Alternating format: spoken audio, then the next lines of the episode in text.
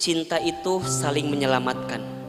Kalau ada di antara teman-teman yang mengatasnamakan kalimat cinta, tapi dengan perasaan cinta itu malah hadirnya menyakiti satu sama lain, itu bukan cinta. Karena ada yang salah dengan prinsip cinta yang seharusnya.